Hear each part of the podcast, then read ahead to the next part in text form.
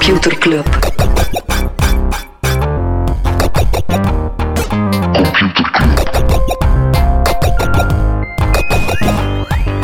Computer Club. Hey Smolly, Hey Freddy, welkom, welkom terug. welkom. Welkom bij Computer Club, een wekelijkse podcast over technologie. Iedere aflevering selecteren Freddy en ik een eh, interessant artikel en presenteren we een feitje. Soms blikken we ook vooruit naar de toekomst. Vooruit naar de toekomst. Ja, ik kan niet terugblikken naar de toekomst. Nee, dat gaat niet. Nee, dan kijken we bijvoorbeeld uit naar de t-shirts die we samen met Combel mogen weggeven. Yes. Eh, Combel was op zoek naar eh, de lelijkste Belgische websites. We hebben een klein beetje geholpen in die zoektocht. Een klein beetje animo voor gebouwd. En daarna, eh, als dank, mochten wij zelf op zoek naar De lelijkste lelijke Computer t-shirts, ja. Club. We zijn nu volop aan het delibereren.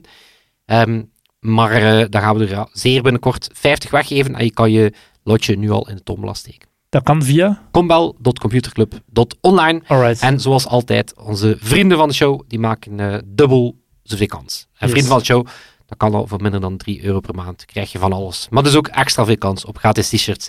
Verdient zichzelf eigenlijk bijna terug. Perfect. En binnenkort ja, zien we hopelijk eh, ook wat van onze vrienden, want we gaan eh, terug een live episode doen. Is dat? Ja, volgende week gaan we ehm, een episode opnemen op locatie in de Pocket. Die organiseert dan voor de derde keer Studio Shift. Eh, Een beetje, ja, niet een beetje, het is radio. Drie dagen, Mhm. nee, twee dagen radio over alles van rond digitale productontwikkeling. En dan eh, sluiten ze telkens de dag ook af met een gastpodcast. En wij zijn daar eh, op dinsdag Om te gast om vier uur, dus op 11 iets hier wel. november, iets na vier. eh, zoals echte vedettes gaan we zo wat op ons laten wachten. Ja.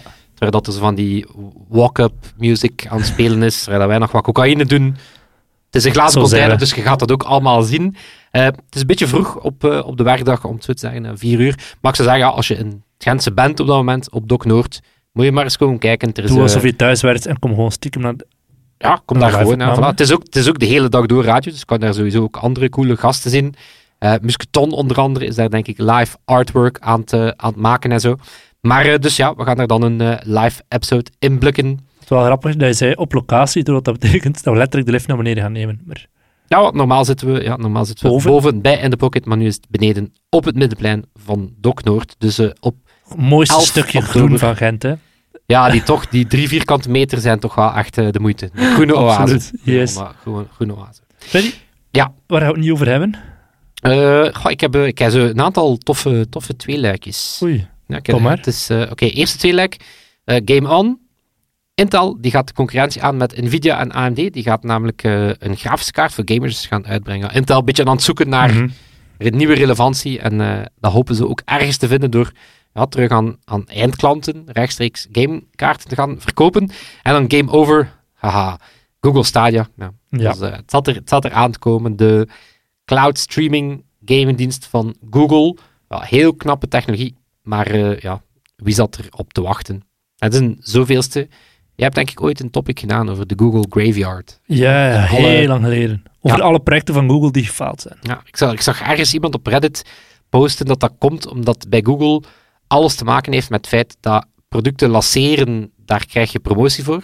Maar eens dat het dan gelanceerd is, is zo, ja, dan gaan de goede engineers zo wel weg en dan verliest Google echt wel zo wat interesse. Right. Ehm, maar bon, ik denk ook dat er ja, een en ander gewoon niet klopte aan dat businessmodel of die, eh, die propositie. Businessmodel zijn dat je kan streamen, maar tegelijkertijd moet je toch alsnog games individueel aankopen als je ze is wil is dat. De verwachting was dat het een soort ja, all-you-can-eat Netflix-achtig model Mhm. ging worden. Netflix dat trouwens, wat het in de nieuwsbrief vermeld, ja, die blijven wel investeren in game studios, maar laat ons duidelijk zijn, dat is meer zo leuke extra's voor Netflix, Mhm. om je abonnement zo een klein beetje beter te maken, een beetje Apple Arcade erbij, zo dat idee. Eh, maar dus Google Stadia was niet echt een eh, revolutie, los van het feit dat de technologie wel cool werkte. Ik had het zelf, eh, was echt wel knap, maar ja, het loste niet per se iets nieuws op. Alright. We blijven in de game-industrie. Activision Blizzard die zou illegaal opslagen van werknemers, hebben tegengehouden, werknemers die van plan waren om een vakbond op te richten. Ja, typisch eh, Silicon Valley. Klootzakken! Wie dat ook nog ooit gedaan heeft, is Tesla. Tesla die gaat een robot bouwen. Optimus. Bram van, Bram van der Borg, of Bram Verborg? Bram van der Borg, denk Van ik. een woord. Ik had het zelf ook genoteerd. Ja, de robot-expert die zei van, oké, op zich is het niet zo'n indrukwekkende robot, maar het is wel indrukwekkend als ze op zes maanden tijd dit al hebben geflikt. Een jaartje zoiets. eh. Ja. Want de vorige AI Day was het nog een Humanoid was het eigenlijk gewoon een man in een spandexpak die eh, de robotdans deed. Nu was het een effectieve robot, maar beetje underwhelming inderdaad, als je de demo's van Boston Dynamics en andere ziet. Eh, maar inderdaad, ik, ik liet de opinie aan Bram, die daar eh, veel meer over kent. Stukje in datanieuws, kan je zeker Mhm. eens, eh, eens opzoeken. Ehm, Amazon, die kwam dan ook met nieuws over hun robot Astro. Zo die Mhm. ja, home Mhm. robot, waarvan niemand echt weet wat hij gaat doen. Hij is ook nog niet te koop. Ehm, hij zou nu ook meer ge- gepositioneerd worden als een, als een bewaker tegen inbrekers en zo. Of iets dat met je huisdieren kan spelen.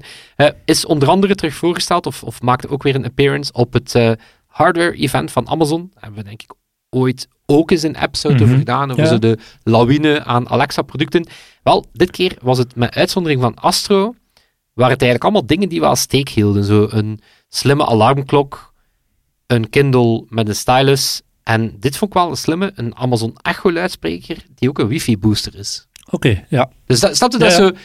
Het is zo, waar dat die andere producten zo compleet van de pot gerukt waren, was zo dit keer zo van, ah, oké, dat zijn op zich wel goede productiteraties. Mhm. Ja. Nog een goede productiteratie. Twitter. Even zoeken naar de Segway. hè. Ja, ik was aan het nadenken. Twitter die gaat eh, in verschillende landen, waaronder Canada, Australië en Nieuw-Zeeland, gaan gebruikers die Twitter Blue hebben vanaf nu ook hun tweets kunnen aanpassen nadat ze geplaatst zijn. De, het is nog niet beschikbaar in, in de US, het is ook nog niet beschikbaar bij ons. Ik zag wel, Martijn, de oprichter van Revue, die nieuwsbriefsite, die nu bij Twitter werd, want dat is opgekocht door Twitter, die kon het wel al doen. Dus die had gisteren een keer voor de lol zo'n edited tweet geplaatst. En dan kan je zoals bij Facebook klikken op de version history en dan was, zie je hoe dat de tweet er voordien uitzag. Ik zag ehm, Jane Wang of zo. Dat is ook zo'n be- bekende persoon die heel wat zo ja, nieuwe versies van techproducten al, al ja. lekt en zo. Ehm, die was aan het testen en je kan een, eh, je kan een oude versie van die tweet kan je quoten. Dus in Ah, principe, ja. als je stelt dat je iemand betrapt op, hey, yo, je bent hier wel echt eh, mensen aan het misleiden, kan je eigenlijk dat aan ja, de... Philip op de Winter die door- eerst tweet weg met alle mensen die niet geboren zijn en daarna veranderen naar Labradors zijn leuk, kun je alsnog de oude versie eh Ik denk dat je het eigenlijk omgekeerd omgekeerd gaat doen. Ik denk ja, ja, ja. eigenlijk Eerst ga je zeggen van, Labradors zijn leuk, dat wordt dan duizenden keer geretweet en dan baf, kan je hem het. Ja, en dan zeg je, yo, Philip, ja, het ging eerst over Labradors. inderdaad. Ehm, over kwaadaardige mensen gesproken. Ik ben hier gewoon wat segways aan het verzinnen. Oké. Eh, Darth Vader. Ja, Ehm, wel, de acteur die gaat ermee stoppen. Ja, de James Earl Jones. Ja, Mhm. de stem van Darth Vader. Vooral de stem. Hè, want eh, voor de rest is het een helm. Het is de pratende helm. Die stopt er na 50 jaar mee. Maar hij, toch blijft hij verder leven. Hoe? Ja, hij verkoopt zijn stemrecht. Hey, ja, dat is eigenlijk waar. hij verkoopt, het, hij verkoopt het, het recht op het eh, gebruik van zijn stem door er een eh, gesynthetiseerde AI-stem van te Ja. maken. Het is zeer eh, modern. Is dat gespecificeerd tot wanneer dat dat... Allee, gaan zijn kleinkinderen nog decennia niet lang... veel verder dan de eerste twee paragrafen. Oké, Thomas Smolders. Nee, ik weet het niet, maar het is wel modern dat hij erover nadenkt. Want onder andere, we hadden eerder Prinses Leia, die Mhm. in die laatste films ook terug een, tot leven ja, kwam. tot leven kwam. Ehm, dus het is een heel interessante vraag van ja, wat gebeurt er eigenlijk met je beeldenis of met je stem Ja. nadat je... Met de digitale kopie van je stem. Ja. Beetje de Darth Vader van de muziekindustrie is eh, Kanye West. En zijn ex Kim Kardashian die heeft ermee ingestemd om eh, een boete van 1,3 miljoen dollar te betalen. Omdat ze reclame had gemaakt voor een cryptomunt. En nu, dat op zich was niet het, hetgene waarvoor dat ze beboeten. Maar ze heeft niet gezegd dat ze daarvoor betaald werd voor die reclame per Instagram. Ja, en daar is, eh, het zit er al een tijdje tegen tussen ja, wat is de SEC, de, de beurs, eh, SEC, ja. SEC. Ehm, ja, omdat die vinden van ja, crypto, munten, dat zijn ja, wat ze securities noemen. hè, dat valt in dezelfde categorie als aandelen en Mhm. andere commerciële producten. En daar moet je inderdaad, ja, als je daar sowieso reclame voor maakt, moet je daar disclosure voor doen. Moet je ook wijzen op de gevaren en zo. En Heel dure vergetelheid van mevrouw Kardashian. Over, eh, over de wetgever gesproken, ik hoef er geen jingle voor, eh, maar ik maak wel het brugje. Eh, in de VS is het eindelijk zover. Daar gaat de Supreme Court, ja, wat dan, ja, het zit een beetje in de naam, ja, de hoogste rechtbank is, die tussenkomen in de allermoeilijkste zaken. Ja, daar komen eindelijk twee rechtszaken voor over Section 230, artikel 230, Smolly. Come is, dat van, is, het een platform of niet? Ja. Eh, ja. Dat zit er ergens in vervat. Eh, het gaat eigenlijk over twee rechtszaken over terrorisme op Twitter en YouTube. En dan met name ja, Section 230, die zegt ja, eh, platformen, de commentaarsectie van een krant, Ja, e-mailproviders wie is er verantwoordelijk voor? kunnen er niet aan doen als er user-generated content is. Ze kunnen niet liable zijn Mhm. voor user-generated content. Eh, beschermt onder andere ook sociale media platformen daartegen. Ehm, ja, wordt wel eens gezegd dat ze daardoor te veel- veel bescherming genieten, dat ze daardoor te weinig aan doen. Ehm, ik denk dat er wel algemene support is in de VS om daar iets aan te doen, maar de vraag is, moet je het helemaal gaan, gaan Mhm. weggooien? Want dan kan je zeggen, ja, ergens- Kleine spelers kunnen moeilijk alles modereren. dus die gaan heel Ja, defensief beginnen modereren. Mhm. Die gaan zeggen, we gaan dan alles verwijderen. De Tumblr-stijl. Ja, we gaan dan gewoon alles Ja. doen, want anders worden we aangeklaagd. Dus het is wel heel belangrijk wat de Supreme Court daar gaat zeggen ja, voor het volledige businessmodel van sociale media. Het is koffiedik kijken, want er is denk ik één rechter, Clarence Thomas, die daar al eerder uitingen over gedaan heeft, maar voor de rest bij de andere, die andere pipo's, het, Mhm. eh, ja, die hebben nog niet in hun kaarten laten kijken. Dus eh, geen idee wanneer dat de uitspraak volgt, maar het zal een, eh, het zal een heel belangrijke zijn. Ja. In India nog een tweeluik. Ik ben hier echte duo's aan het, aan het creëren. Er organiseerde Meta ehm, een grote Creator Day. Ze hebben daar meer dan 500 influencers uitgenodigd om ja, toffe dingen mee te doen. En waarom doen ze dat? Sinds- sinds- Macramé-bandjes maken. Voilà, voilà, rond de kampvuur. Ja, nee, ze daar bekende hiphoppers en Ja. andere. Ehm, nee, maar sinds 2020 is TikTok daar weg. Dus dat is de battleground voor Instagram. Ze hebben Mhm. daar eh, 400 miljoen maandelijkse gebruikers. Grootste markt ter wereld voor hen. Ehm, en Facebook, ja, die is anderzijds onder andere ook via die investering in Reliance Geo van 6 miljard. Ja, het is duidelijk dat ze daar ehm, ook met. WhatsApp een heel grote Mhm. afzetmarkt hebben. Dus het is wel interessant, ja, wat het eh, recent heel vaak over zo, ja, het feit dat Meta wat klappen krijgt door TikTok, door het, het ontbreken van succes voor Reels. Maar dus India is op dat vlak wel, ze zijn wel heel hard aan het double downen. Ik denk dat ze nog een vier, vijftal van die dagen gaan doen. Ehm, Alle en dan, heen. Jawel, dat denkt ook Apple, want die zijn, eh, ja, die zijn druk bezig met de, hun productie uit China weghalen. Ja, dat gaat niet meteen lukken. Maar bijvoorbeeld India is een van de landen dat ze de iPhone nu, eh, de recente iPhones, aan het eh, produceren zijn. Wel, op vijf maanden hebben ze al meer dan 1 miljard dollar aan iPhones geëxporteerd. Dus dat is nog bescheiden hè, Ja, voor. Apple, maar het toont wel dat het voor Apple ja, van belang is dat ze ja, niet meer al hun eh, eieren in een Chinees mandje leggen. Van een Chinees mandje naar een Russisch mandje. Dus maakt niet uit, hè. het is veel gebeurd. Het is veel. Nee, Elon Musk is weer een eh, grote vorm. Oh nee. Ja, ik Ja. heb het gezien. Ja, een, eh. Ja, vind eh, de, de tijden waar dat we in leven is waar dat de, ja, de, de baas van een autofabriek een Twitterpoll lanceert met een vredesverdrag waarin dat hij vindt dat basically Oekraïne maar moet instemmen met de Russische eisen, dat het dan gedaan is, want ja, er Mhm. komt tenslotte een nucleaire oorlog aan. En wat wel goed was, is dat eh enerzijds Oekraïnse ambassadeur in Duitsland had Mhm. gewoon een diplomatische fuck-off Ja, gezet. Met als uitkomst, zei van de enige uitkomst is dat niemand in Oekraïne uw Tesla's nog gaat kopen. en dan Zelensky had eh, op zijn beurt ook een poll gelanceerd, was wel goed. ja. Die zei, welke Elon Musk Vinden we, vinden leuker? Elon Ja. Musk die pro-Rusland is, of Elon Musk die pro-Oekraïne Ja. is. Dus eh, De beste opmerking vond ik, Elon Musk is wel een expert op dit vlak, want hij is een expert op vlak van mislukte overnames. ja, was, was zeer goed. Maar het is zo tekenend voor deze tijden dat, dat hij ook... Hij heeft zich zeer lang kalm gehouden. Mm, ja, Mag ik verder gaan? Hebben we nog eens? we hebben geen non-nieuws meer. Ja, nee, voilà, je komt bij dan, echt artikel, ik voel het. Ja, ja maar we, we, blijven, we blijven bij de, bij de Ubertroll.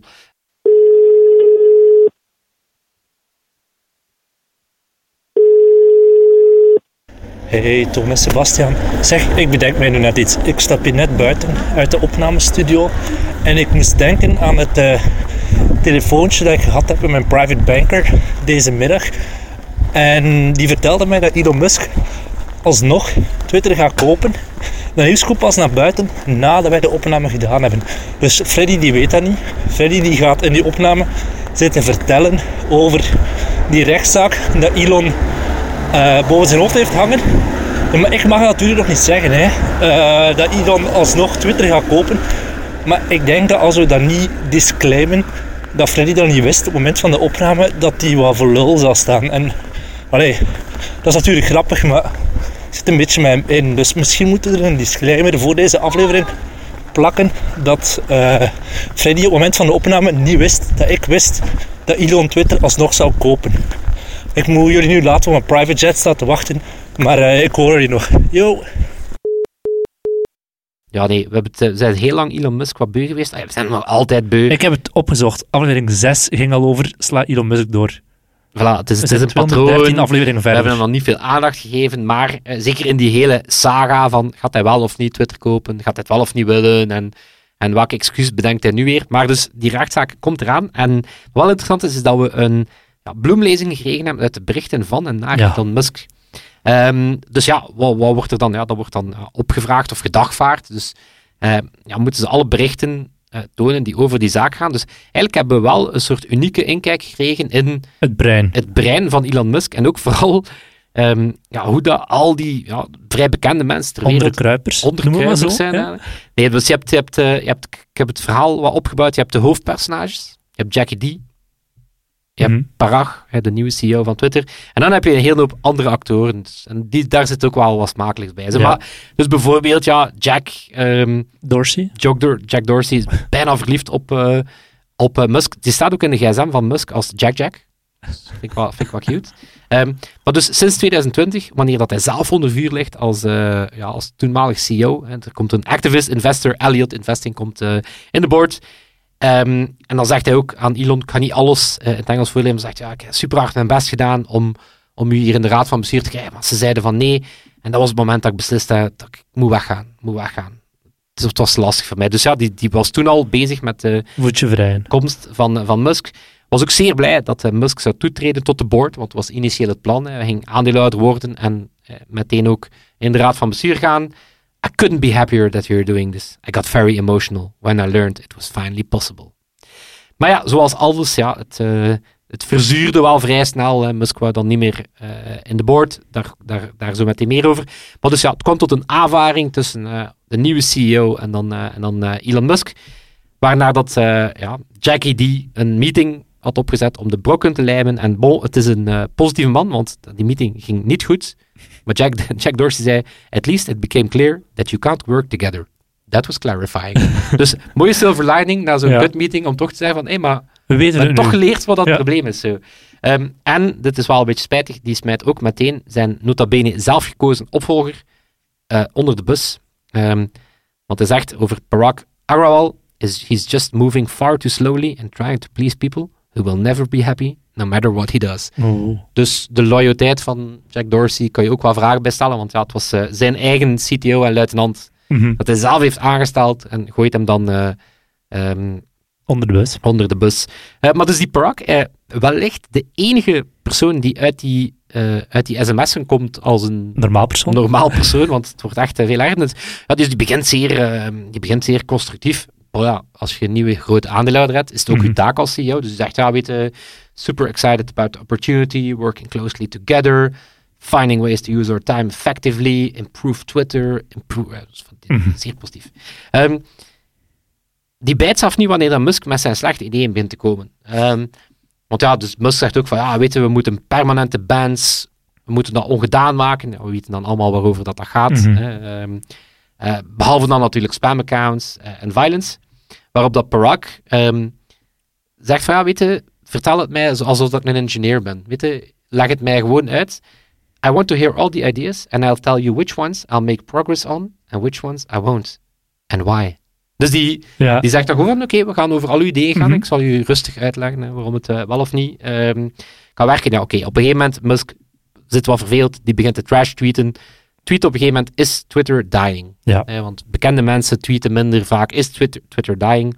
Ehm, waarop dat Parag, ja, een halve dag later stuurt, ja, you are free to tweet, is Twitter dying? Or anything else about Twitter, but it's my responsibility to tell you that it's not helping me make Twitter better. Mhm. Dus ja, die, die is Teruggefloten rustig. een beetje, ja. Ehm, waarop dat kleine Muskie boos wordt. Die zegt, ja, but what did you get, get done this week?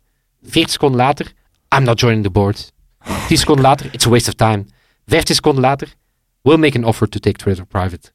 Dus in deze minuut, Ja. in deze minuut, dus na, na het feit dat Parag gewoon zegt van, Elon, Mhm. moet dit nu? Op een minuut is het gebeurd. Hè? Dus op die minuut is het van, nee, doe niet meer mee. En ik Zoek plaats het uit, ja. Dus dat, dat is letterlijk dat gebeurd. Oké, wie zijn dan de andere actoren? Ja, voor een groot stukje zijn dat dan natuurlijk de mensen die Musk hoopt dat mee, ehm, mee gaan investeren.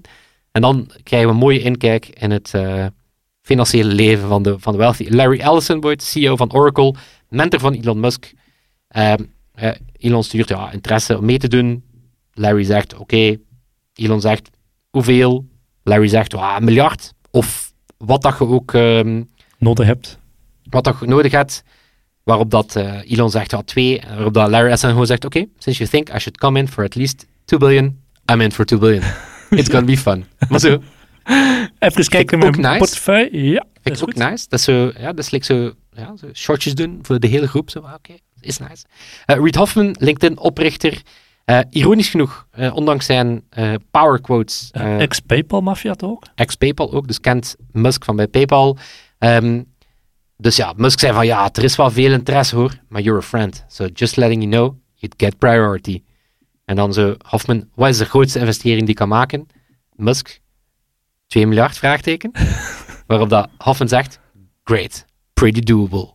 vind, ik- vind, ik- vind ik zo echt zo, dat is pleur. Dus like, ik, als ik de eerste dag van de maand, als ik mijn loon uit Het feest de weet je, eerste ik dag. trakteer wel, ik trakteer wel op het voorgerecht.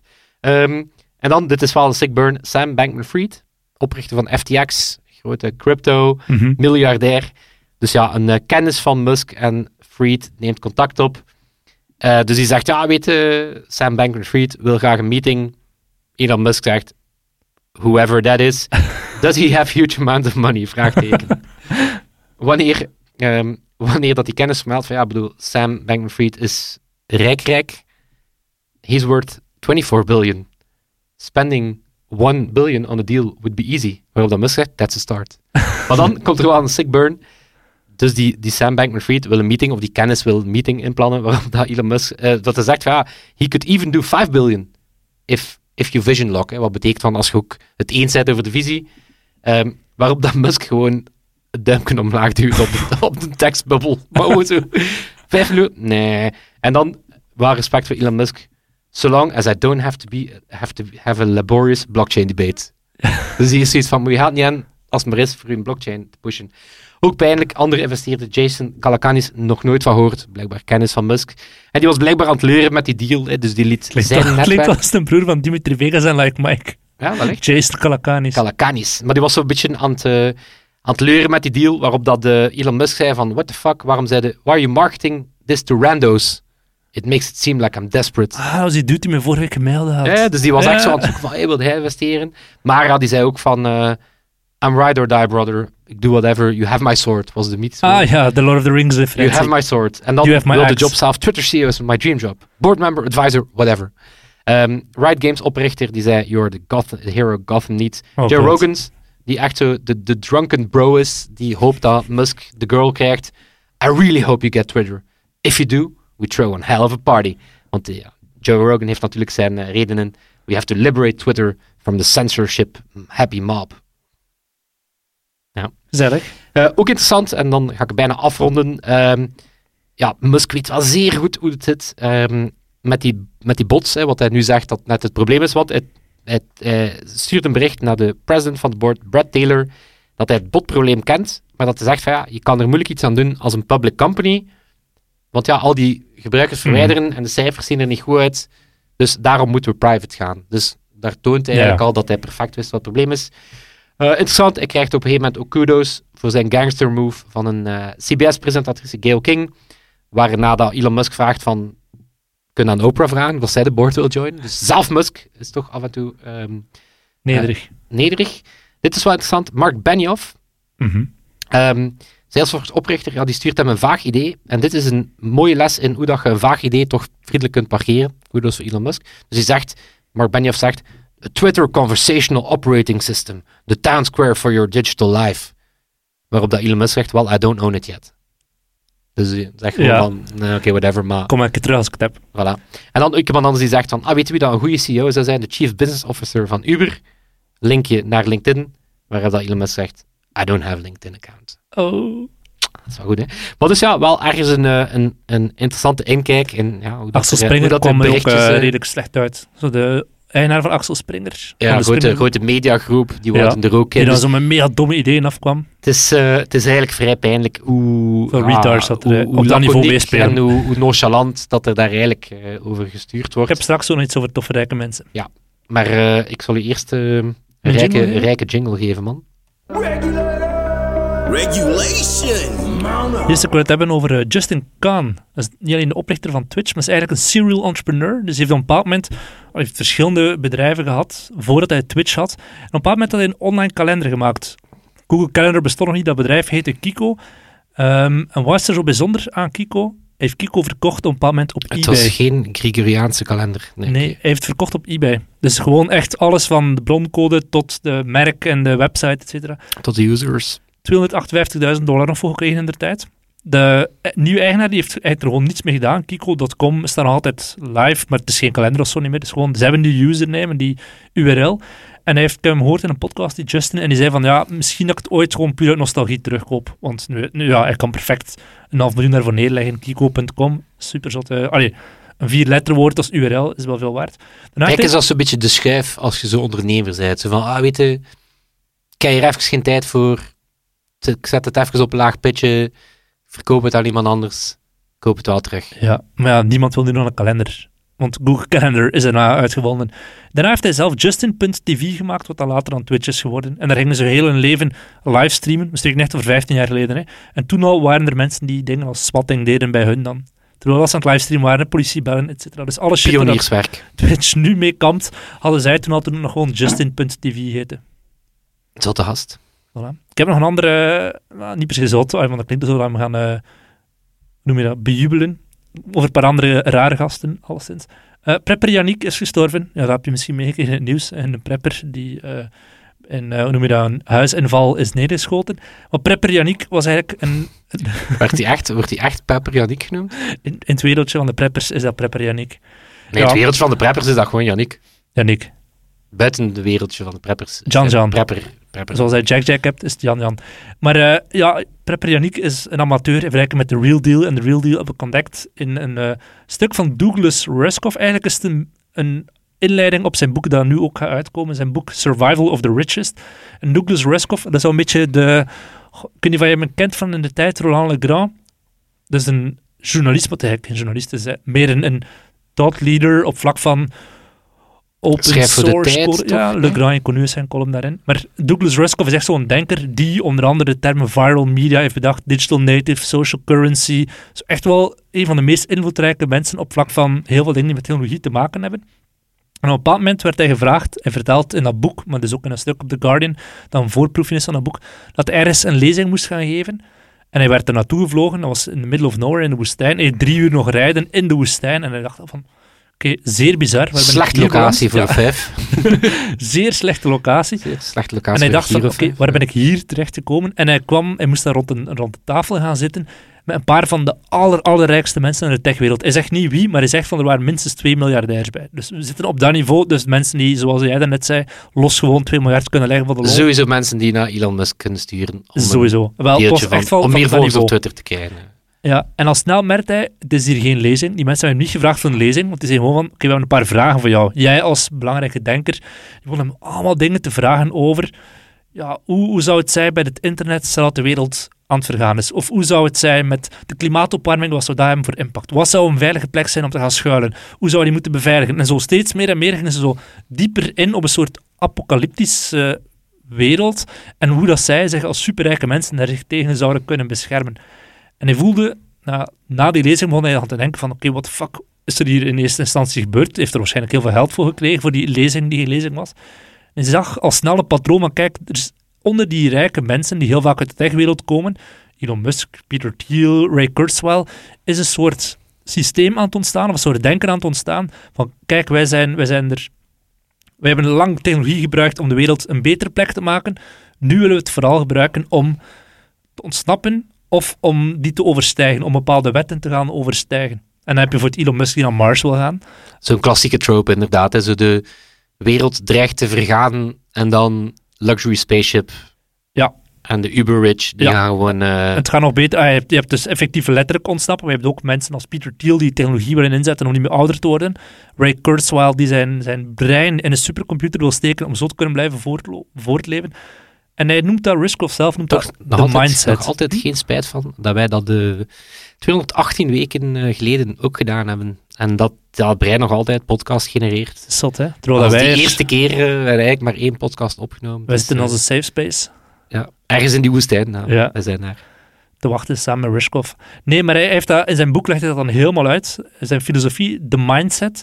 Ehm, wat dat bijna een soort ja, Marvel-film is, waar dat er winnaars en verliezers zijn. Zeer binair. Dus het is niet meer van, we gaan, sommige mensen gaan overleven. Het is echt ik overleef, al de rest trekt hun plan maar. Het is een soort, en als, in Silicon Valley zie- ziet je dat zeer veel in zeer veel dingen terugkomen. hè. Technologie die de wetmatigheden van fysica, economie en morele overstijgt. Een wereld creëren die alleen goed is voor hunzelf, om te kunnen ontsnappen van de apocal- apocalyps. Aco- apocalyps dat ze zelf gecreëerd Je hebben. ziet dat onze computer ook nog fouten maakte. Ja, absoluut. Maar hij had toen, toen na- die, die vreemde ontmoeting, had hij een artikel gepubliceerd, om dan zo te zeggen, maar man, er is hier mij iets mega zots overkomen. Toch even zo eh, een braindump. En hij kreeg al heel snel, ja, werd hij gecontacteerd door een wire aan mensen, waaronder John Cole, ik ken hem zelf uiteraard ook niet, maar vroeger was dat de voorzitter van de Amerikaanse Kamer van Koophandel in Letland.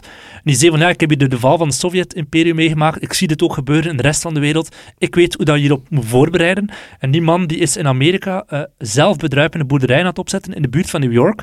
Die niet alleen de boerderijen zijn zelf bedruipend, er zit ook een soort bunker aan verbonden. Ehm, en voor 3 miljoen euro of 3 miljoen dollar kun je eh, ook lid worden of kan je een soort lidmaatschap hebben om daar deel van uit te maken. Waardoor je onder andere een safe haven hebt met eten voor twee jaar, 24-7 beveiliging voor als de wereld vergaat. En dat zijn vooral rijke techmensen die daarbij willen horen. Maar de meeste miljardairs die willen niet, dat, dat klinkt bijna als een soort commune. De meeste miljardairs willen iets dat alleen voor hunzelf is. En Ja, ik vind het inderdaad nog te... te vrijblijvend. te plat. Allee. Allee. Ja, Zo met andere humans? Nee. Nee. Ah, Wel, maar als je zegt, ik wil zelf iets, ah, je kan al beginnen met een eigen bunker bouwen voor 40.000 dollar, pullenschil. De duurste die kostte meer dan 9 miljoen. En dan heb je wel onder Oh, andere een al. eh, een zwembad bad. of een bowlingbaan of een schietruimte in onder de grond. Eh, en de, de slogan van het bedrijf was, we don't sell fear, we sell preparedness. Dat is een bedrijf in Texas, uiteraard. Maar ehm, ja, in dat stuk van Kurzweil, eh, Kurzweil van een Rushkoff, zeer meta, een zeer meta tagline. ja, we don't Het is wel degelijk dat Ja, het geloof absoluut. zijn. Maar ja, en, en zijn boek zelf komt dus binnenkort uit, waar hij zegt van die, die hele mindset-filosofie ligt hij dan toe. En wat de link is tussen Silicon Valley, waar het echt wel leeft, het feit van ik wil hier, ben, oké, ik heb al een ap- apocalyps veroorzaakt, maar fuck off, ik ben hier weg en ik ga het voor mezelf en voor mijn naasten beter maken. Maar ik vind het wel tof, want hij begint dan zo zelf ook te filosoferen, Rushkov in zijn stuk, van ja, zelfs als je zo'n bunker hebt onder de grond, zeer moeilijk om jezelf bedruipen te houden. Stel dat je zonnepanelen, waar het energie van komt, stuk gaan, dan ben je alsnog afhankelijk van de wereld daarbuiten en zo, of je waterfiltersysteem en zo. Ja, het is eh, een, een... Zeker als je zo foto's kan bekijken, of van die 3D-rondleidingen in die bunkers van dat bedrijf die die bunkers voor 9 miljoen maakt, toch een wereld apart. En ik denk dat de meeste mensen die daar in Elon Musk zijn eh, omgeving rondhangen, dat er daar zeker ook bij zijn die volgens die mindset willen leven. Van- Ja. Ik, ik had een, eh, een interview gehoord. Heb je al eens van eh, long-termism Ja, gehoord? ja. En dat is... ehm, maar het is niet helemaal hetzelfde, maar het zit ook wel een beetje in de sfeer. En is zo een filosofie die de laatste jaren serieus in opmars is. Een beetje hetzelfde met zo effective, effective altruism. Hè, waarbij dat het... eh, ja, eigenlijk vooral de rijken... Het is in principe niet slecht. Effective altruism zegt, ja, Als je geld Geef geeft je aan een goed doel, moet het zo effectief mogelijk worden ingezet. Dus dat niet van de helft naar marketing van UNICEF gaat, maar voilà, probeer rechtstreeks. efficiënt te zijn. Dus Ja. daar kan je moeilijk tegen zijn, maar het wordt tegelijkertijd ook een beetje gezien als zo... zijn... eh, Ja, dat, het wordt tegelijkertijd een beetje gezien als zo, ja, het is eigenlijk een beetje afkopen van u. Hè, zo, zo van, je mocht allemaal slecht over dat wilt, maar geef wat geld aan een goed doel en het is goed. Maar zeker die long-termism is in principe ook niet, niet slecht. Zo William McCaskill, denk ik, filosoof daarachter, ja, is dat zegt, ja, we moeten ook heel hard bezig zijn met problemen die we misschien nu niet zien, maar later heel belangrijk kunnen zijn. Als een typisch voorbeeld is zo bescherming tegen AI bijvoorbeeld. Mhm. We moeten zo safeguards hebben tegen AI. Dat is iets waar je vandaag niet wakker van ligt, maar moeten we, moeten we bezig zijn. Maar ook, en dat, dat, dat heeft natuurlijk in Silicon Valley al veel aanhang, want dat zijn daar heel denkers. rationele mensen. Maar de kritiek is dan dat het inderdaad ook een beetje afleidt van ja, veel van de struggles nu. Of dat het zo voelt als de wereld een verpunt in de toekomst. Van, this is fine, want later gaan we het dan allemaal wel opgelost hebben. En nu weet ik waarom. Ja, die zitten gewoon in een bunker Mhm. te bowlen. Yes. Nice. Ja, moeten we ook dringend... eh, Ik denk dat we naar de bunker mogen gaan, Freddy. Ja, ik, wij- ik heb daar een plan voor, Smally. Yes. Eh, het plan is eh, als volgt. Onze luisteraars die gaan naar vrienden.computerclub.online. Volgende week kunnen ze ons trouwens echt zien in een bunker op het Ja. binnenplein van Doc Een Noord. glazen bunder met een radiostudio. Daar kunnen ze ons live aan het werk zien. Dinsdag Daar kan iedereen 11 ons live aan het werk zien. Dinsdag 11 oktober om 4 uur op Doc Noord, Middelplein. Maar dus die mensen gaan naar vrienden.computerclub.online. Die krijgen voor minder dan 3 euro per maand Zelfs geen 3 tal van voorbeelden. Nee, het is zelfs minder. Het is 3 euro per maand. Het is 2,75 euro om precies te zijn. En naar mijn berekening moeten we er zo ja, een kleine 3 miljoen eh, weten te strikken. En dan hebben we Een commune. één bunker. Dan doen wij bladsteen schaar over wie dat hem krijgt. Want zoals dat je zelf zegt, zo'n bunker deelde niet. Maar misschien wel, terwijl dat we ja, op onze tweede bunker hadden. Dus dat. We zijn misschien wel welkom. Hij mag even in zwembad. Ook altijd welkom in onze bunker. Toon en en Sebastiaan. Sebastiaan. Die deze week de edit doet. Maar zoals altijd, zeer dankbaar daarmee. Yes. En dat zal het zijn. Tot volgende week. Yo. Yo. Computer Club. Computer Club.